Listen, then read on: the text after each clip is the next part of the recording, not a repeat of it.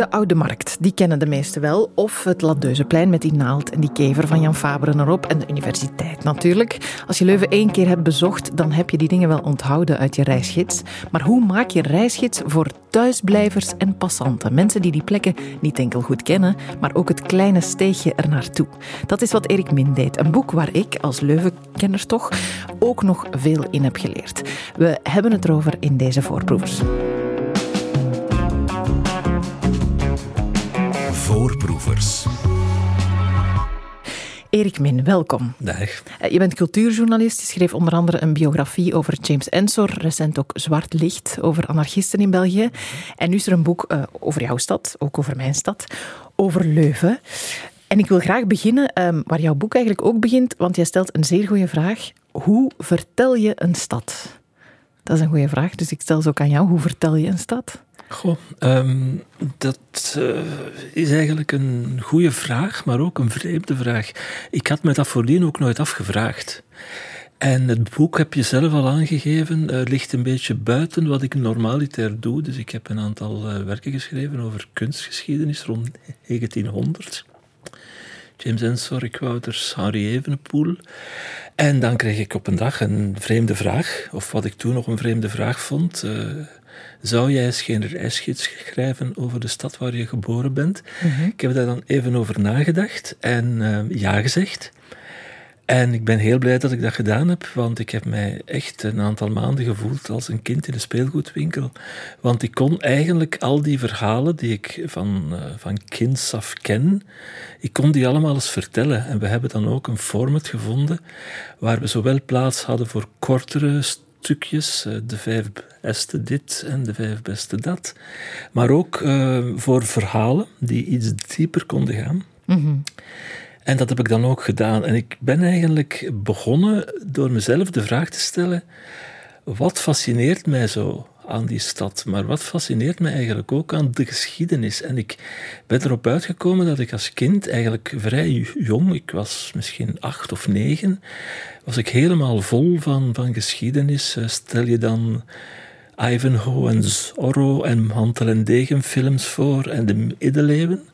En ik vond dat fantastisch. En toen ik dan enkele jaren nadien ontdekte, ja, zo kan je het noemen, -hmm. dat er ook nog gebouwen waren die zo oud waren als de verhalen en dat die er nog altijd stonden, dat vond ik eigenlijk onwaarschijnlijk.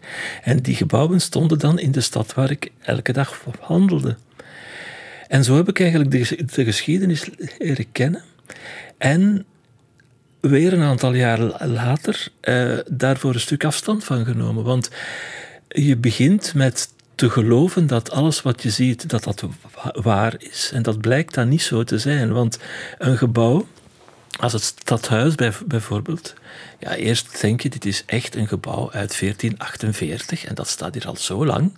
En na een tijd krijg je dan hoor dat daar standbeelden op staan van Leopold II of van Napoleon.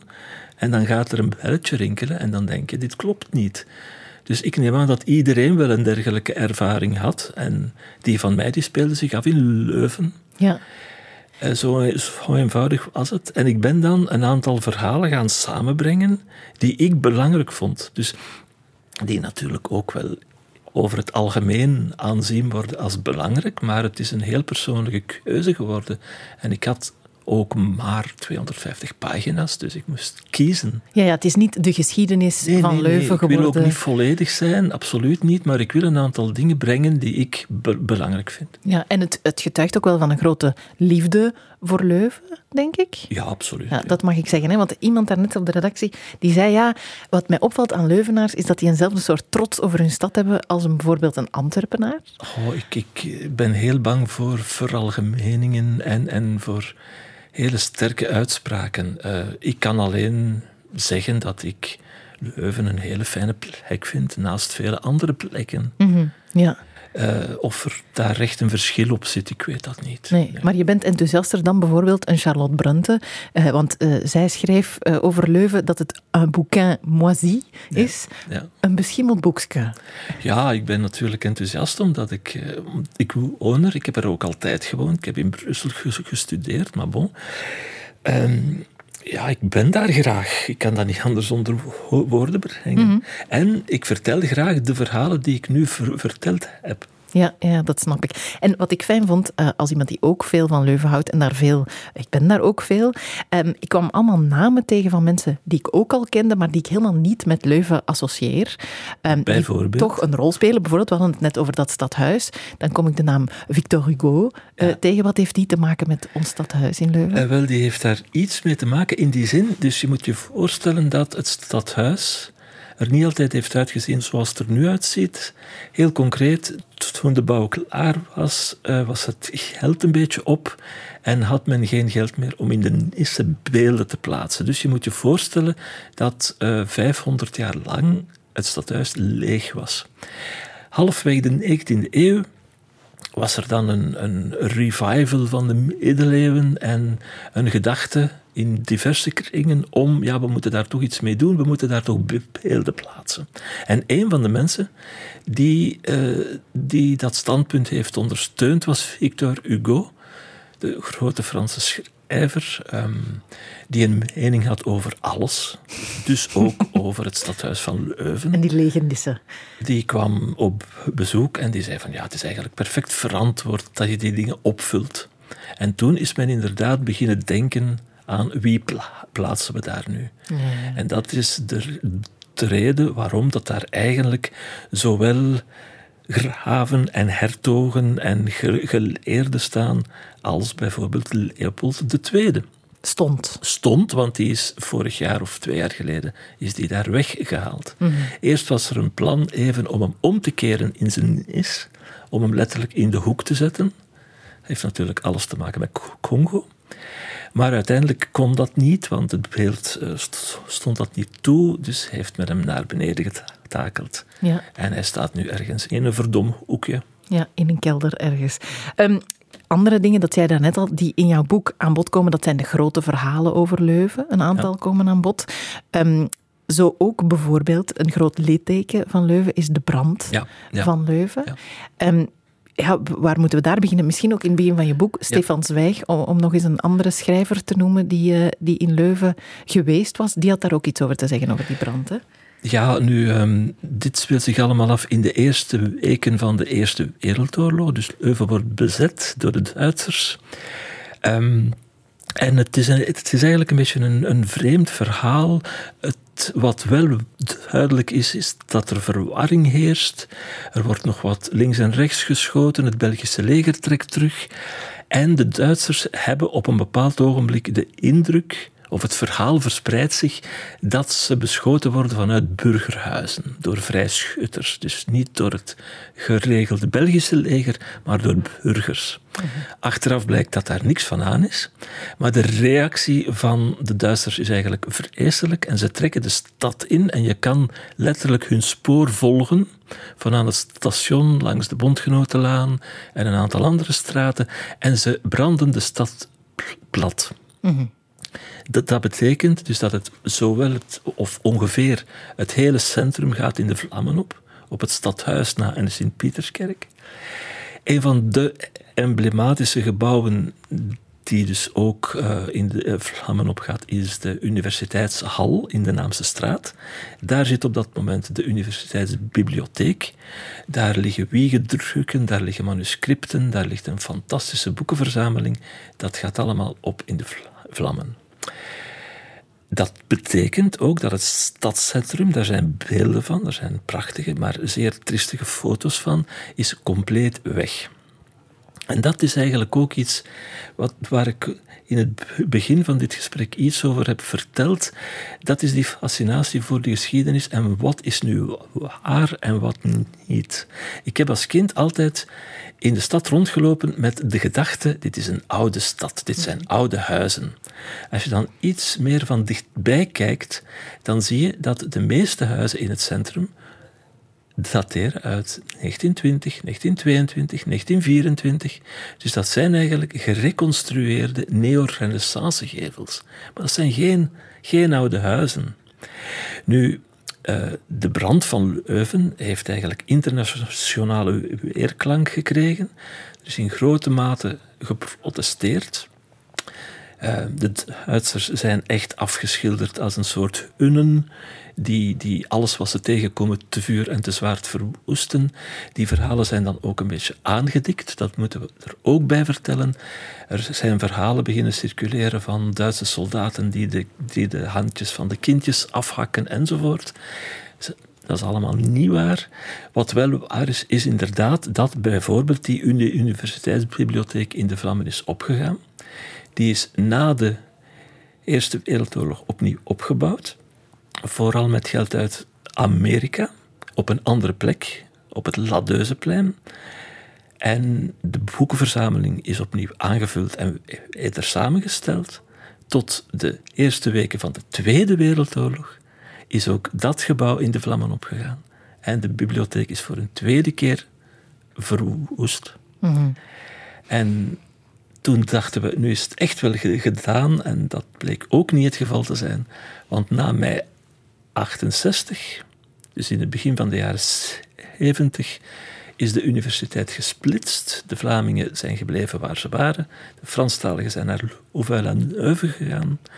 En naar aanleiding van dat feit is de bibliotheek opnieuw in twee gesplitst. Niet zo, zoals men altijd hoort, de onpare banden naar Leuven of, of in Leuven en de onparen enzovoort. Nee, maar de verzamelingen zijn opnieuw voor een derde keer uit elkaar getrokken. Mm. En nu hopen we dat het zo blijft natuurlijk. Ja, ja, ja. dus die bibliotheek die daar staat, je denkt, uh, die staat hier al honderden jaren op deze manier en met diezelfde collectie. Dat, is, helemaal niet zo. Uh, maar we zijn daarmee aangekomen bij uh, mei 68 en bij Leuven-Vlaams. twee woorden die altijd of heel vaak met z'n tweeën samenkomen en die dan ook dit soort um, geluid met zich meebrengen. Hier in Leuven doen zich op dit ogenblik feiten voor die het moreel bijna niet meer verantwoorden om nog op straat te komen. En dan zijn, moeten wij naar andere middelen overschakelen. Heren van de BOB, noteert u de BOB en Bourgeois buiten. Uh, dat, dat waren de slogans die weer klonken toen. Hè. Leuven Vlaams is ook een verhaal uh, in jouw boek. Uh, wat, wat, vond jij belangrijk om mee te nemen in dit boek erover? Wel, wat mij vooral opviel is dat je eigenlijk nog nauwelijks in het straatbeeld iets ervan ziet. Er was heel lang um, op een zijgevel van een vakbaar in de Tiensestraat stond de leuze Bourgeois buiten. Echt B-O-R-Z WAS. En dat was echt zo'n een, een linkse kreet uit, uit uh, ik denk uit een nasleep van mei 68. Maar eigenlijk zie je niks meer van, die, van wat er gebeurd is. Wat ik daarvan als kind uh, meegemaakt heb, ik zie nog altijd op de televisie, de zwart-witbeelden op het, op het journaal. Eerst mei 68 in Parijs natuurlijk, waar het wel een ander verhaal was. En dan toch ook die betogingen, um, die ja, toch wel door Vlaamse verzuchtingen aangedreven optochten, die dan eigenlijk gaandeweg een soort linkse inkleuring hebben gekregen. Paul Goossens, Udo Martens. Um, die, die dan Amada heeft, heeft opgericht en zo. Dus eh, wat mij is bijgebleven, eh, is dat het eigenlijk een heel disparaat verhaal is. Een ideologisch zeer verward verhaal met Vlaamse verzuchtingen en dan de bisschoppen die daar uitspraken doen en, en daar wordt dan tegen betoogd. En, en wat mij ook opvalt, is dat al die mensen die dan ehm, opstappen in betogingen er zo keurig uitzien in pak en das. Dat is onwaarschijnlijk. Klopt, ja, ja, klopt. Zeker waar. Er is nog een andere betoging die veel minder bekend is, die ook in jouw boek komt. En dat is er eentje in de strijd voor het algemeen stemrecht in 1902. Um, ehm, wat gebeurde er toen? Wel, um, dat moet je zien in de context van de, inderdaad de strijd voor het algemeen enkelvoudig stemrecht. Dus er was in dit, dit land al een soort Ehm, dus eerst uh, kon enkel naar de verkiezingen, of uh, kon, enkel kiezen mensen die heel rijk waren, die belastingen betaalden. Dat was dan een beetje afgezwakt. En op een bepaald moment uh, waren er zelfs. Um, kreeg iedereen één stem, maar sommige mensen twee stemmen, drie stemmen, vier stemmen. Uh, dat is natuurlijk niet echt democratisch en het zijn vooral de linkse partijen, de Belgische Werkliedenpartij, die daar een punt van maakten. En die, willen, die wilden eigenlijk het algemeen enkelvoudig stemrecht. Ze hebben dat proberen te verkrijgen via de parlementaire weg. Dat is mislukt. En op een dag, de 18 april 1902, komt de plaatselijke volksvertegenwoordiger van de BBP uit Brussel met de trein en hij zegt, ja kijk, de stemming is fout afgelopen, we hebben geen meerderheid gehaald, um, het komt er niet. Naar aanleiding daarvan uh, verzamelen zich arbeiders in een paar opjes en je krijgt dan een betoging, of twee, twee betogingen, en die, die trekken eigenlijk naar een aantal plekken die zij belangrijk vinden in het politieke spel. Een van die plekken is het huis van minister Schollaert op het Paterdamiaanplein. En een andere plek eh, waar het eh, heel spannend zal worden is de Tiense Straat. Uh, die twee betogingen die worden begeleid door de burgerwacht. De burgerwacht is eigenlijk een soort militie. Het is geen echte politie, ook niet echt eh, het leger. Het is iets tussen beide. En die burgerwacht die bestaat eigenlijk uit quasi-vrijwilligers uit de burgerij. Maar die mensen zijn gewapend en die hebben een soort van opleiding gekregen. En op de twee plaatsen waar ik het net over had, dus zowel op het Paterdamiaanplein of in de buurt van Paterdamiaanplein en op de Tinse straat, uh, wordt, komt het tot een handgemeen. En de burgerwacht geraakt in paniek en schiet op de, op de betogers. Er vallen doden, er vallen gewonden. De gewonden worden afgevoerd. En uiteindelijk blijkt dat er de dag zelf vijf slachtoffers gevallen zijn. Nadien is er nog eentje aan zijn verwondingen overleden. En ehm, die mensen worden dan een paar dagen later begraven. De mensen die opgepakt zijn, die krijgen dan nog strenge straffen erbovenop. En de officieren van de burgerwacht, die krijgen een decoratie. Hm. En uiteindelijk zal dat algemeen stemrecht, of dat algemeen enkelvoudig stemrecht, er pas na de Eerste Wereldoorlog komen. Ja, dan zijn we zeker En dan nog alleen voor later, ja. mannen. Ja, ja, vrouwen moeten nog tot na de Tweede Wereldoorlog wachten. Hè. Um, zo gebeuren er allemaal dingen in Leuven. Uh, dat gaat allemaal gepaard met uh, het Leuvens dialect. Uh, daar gaat ook een stukje over in jouw boek. dan moet ik vragen, hoe is jouw Leuvens? Perfect. Ja? ja, maar het, er is een klein probleem. Ik kan het eigenlijk nog met nauwelijks iemand praten. Ja? Maar ik ben inderdaad opgevoed in het dialect. Ik ga nu geen demonstratie geven. Um, en tot voor kort kon ik het nog met mijn moeder uh, praten, maar zij is vorig jaar overleden. En uh, ik heb nog één verre neef, maar die woont al lang niet meer in Leuven. En als wij elkaar terugzien, praten we ook nog Leuvens. En ik kan nog een beetje Leuvens praten met onze voormalige burgemeester. Maar dan is het ongeveer rond. Ja, want het is iets dat je vaak alleen maar hoort. Zo van, ik zal eens één woordje in het Leuvens doen op een receptie of op een, in een toespraak. Um, wat ik geleerd heb uit Leuvens is dat wanneer ik in de Parijsstraat wandel, dat die straat um, niet echt naar Parijs leidt, maar dat dat komt van het Leuvens voor prei. Paro. Ja, dat is bijna Parijs. Inderdaad, ja. inderdaad. Dat klopt. Kunnen we dat echt achterhalen, dat dat dan van die prei komt? Dat is uh, bevestigd, ja. Het is bevestigd ja, ja, dat dat uit het Leuvens komt. Er is nog iemand die af en toe wat Leuvens uh, op televisie zelfs praat en daar uitleg over, over, geeft. Die staat ook in jouw boek. Dat is Jeroen Meus. Hij doet dan eens een ode aan het Leuvens in dagelijkse kost. Dat kan hem met de file. File is Leuvens voor Filip. In Leuven korten we alles af. Hè. Ik ben, uh, ja, dat is een beetje, ze noemen dat in Leuvens, dat zo, dan is alles een beetje petus. Weet je wel? Hoe legt dat uit? Plat. Wij zeggen in het Leuvens flappen tappen. Dat wil zeggen geld afhalen uit de muur. Ik ga even flappen tappen. Hè. Ritsen, dat is ook het afbollen in het Leuvens. Die is ritsen. Dat wil zeggen, die is vertrokken. En hoe is het aan het einde? Dan is al ritsen. Zo houden we het toch een beetje levend. Hè? Mooi, Mooi, ja, ja. Uh, Jeroen zou Peter van het uh, Leuvens kunnen zijn, maar hij is ook uh, door de stad Leuven Peter gemaakt voor een, van een schilderij. Het laatste avondmaal van Dirk Bouts is hij Peter van. Dirk Bouts, de schilder die ook geëerd wordt met een stadsfestival dit jaar, die, dat is ook een belangrijk personage in, in het Leuven van Welleren, die Dirk Bouts. wat maakt hem als schilder zo bijzonder voor jou? We moeten erbij vertellen dat de man niet uit Leuven afkomt afkomstig is. Hè. Hij is wellicht afkomstig uit Nederland, is in Leuven komen wonen, is daar st stadsschilder geworden. Waarom hij belangrijk is? Omdat hij eigenlijk een van onze interessante Vlaamse primitieven is. En wat ik heel opmerkelijk vind in zijn werk, hij heeft trouwens een heel klein oeuvre, mensen die het echt veel beter weten dan ik, uh, zullen het hebben over misschien een vijftigtal werken en dan nog. Mhm. Want een aantal van de werken zijn ook van zijn kinderen en zo. Enfin, goed. Wat ik heel belangrijk vind in zijn topwerk, het laatste avondmaal, maar ook in de marteling van een of andere heilige, met wie ze vreselijke dingen doen, is hoe stil het in die werken is. Ehm, je kan een speld horen vallen dat heeft alles te maken met ingetogenheid. Hij heeft ook, ik kan niet zeggen het perspectief uitgevonden, zullen we zeker niet beweren, maar het is iemand die je duidelijk voelt zoeken naar hoe breng je dat perspectief op, op doek of op paneel.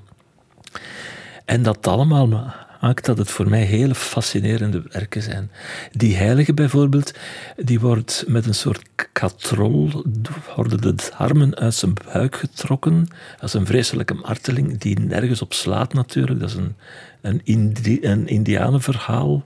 Dat is zo nooit gebeurd. Maar bon, dat maakt weinig uit. Maar die man die ligt daar zo ser sereen, als, alsof hij in bed ligt.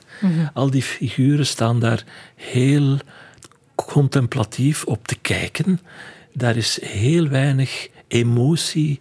En dat vind ik heel, heel mooi. Ja, het is heel bevreemdend ook. Het is heel bevreemdend, Ja, absoluut. Eh, ja. Je kan er altijd de, het laatste avondmaal zien in een permanente tentoonstelling in dat andere grote gebouw op die grote markt. Ja, in de Sint-Pieterskerk. Goh, ik heb hier nog een lijstje van mensen eh, die in jouw boek eh, aan bod komen waar we geen tijd meer voor hebben. Dat gaat van Hortense Daman Ja. eh, naar eh, Georges Lemaitre. Er komen ook, eh, zoals je zei, niet iedereen is van Leuven, maar we omarmen ze graag. Uh, Celassou, die van Bertemis, Joost Lips, eh, Justus Lipsius. Lipsius, absoluut. Waar ik over bijleerde dat hij honden had. Eh, Melissa, had- Saphirus en Mopsulus. Hij had honden, Ja. absoluut. En die mochten mee naar de les. Ja.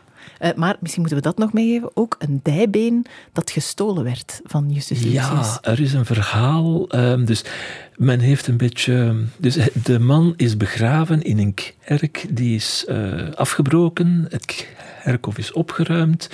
En eh, op dat moment zijn al de kno- knoken ergens anders begraven enzovoort. Bij het overbrengen van die lichamen of de ske- skeletten zou een arbeider een, een dijbeen hebben bijgehouden, is daar achteraf mee gaan pronken van ik heb een dijbeen van, haha. En eh, dat, is dan, dat dijbeen is dan officieel overgedragen aan de KU Leuven. En naar verluid zou het in een mooi kistje ergens in een verzameling zitten. En dan is nog de vraag, is het nu echt wel een dijbeen van? En dan is er ook onderzoek gedaan bleek inderdaad dat die man heel reizig was. Een beetje zoals op het monument, op het standbeeld dat in de Bondgenotenlaan staat, waar ook een hele grote man staat, blijkt het dijbeen in kwestie inderdaad een fors dijbeen te zijn. Dus de kans is er wel dat het van hem is. Kijk, dat is het handige. Als je dan in een universiteitsstad bent, dan kan er onderzoek gebeuren naar alles. Oh, naar elk dijbeen dat je vindt in, ergens in een kelder.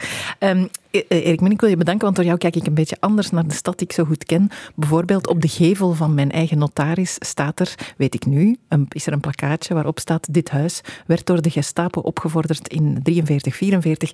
Leden van het verzet werden er gemarteld en daarna weggevoerd. Ik heb daar al een paar keer binnen gezeten en ik had geen idee. Absoluut. Ja. Is dat ook wat je wilde met dit boek? Van Zeker. mensen Zeker. Ja. beter naar hun stad te doen Absoluut. kijken? Eh, Daar wil ik je dan heel erg voor danken. Hartelijk dank. Eh, voor het boek Leuven, een gids voor thuisblijvers en passanten. Binnenkort eh, komt er ook een heruitgave van je boek over James Ensor. dat is zo. Klopt, hè? En bedankt om hier te zijn in Heel, Voorproevers. ook. heel graag. Meer afleveringen van Voorproevers vind je ook altijd op VRT Max natuurlijk. Fijne dag.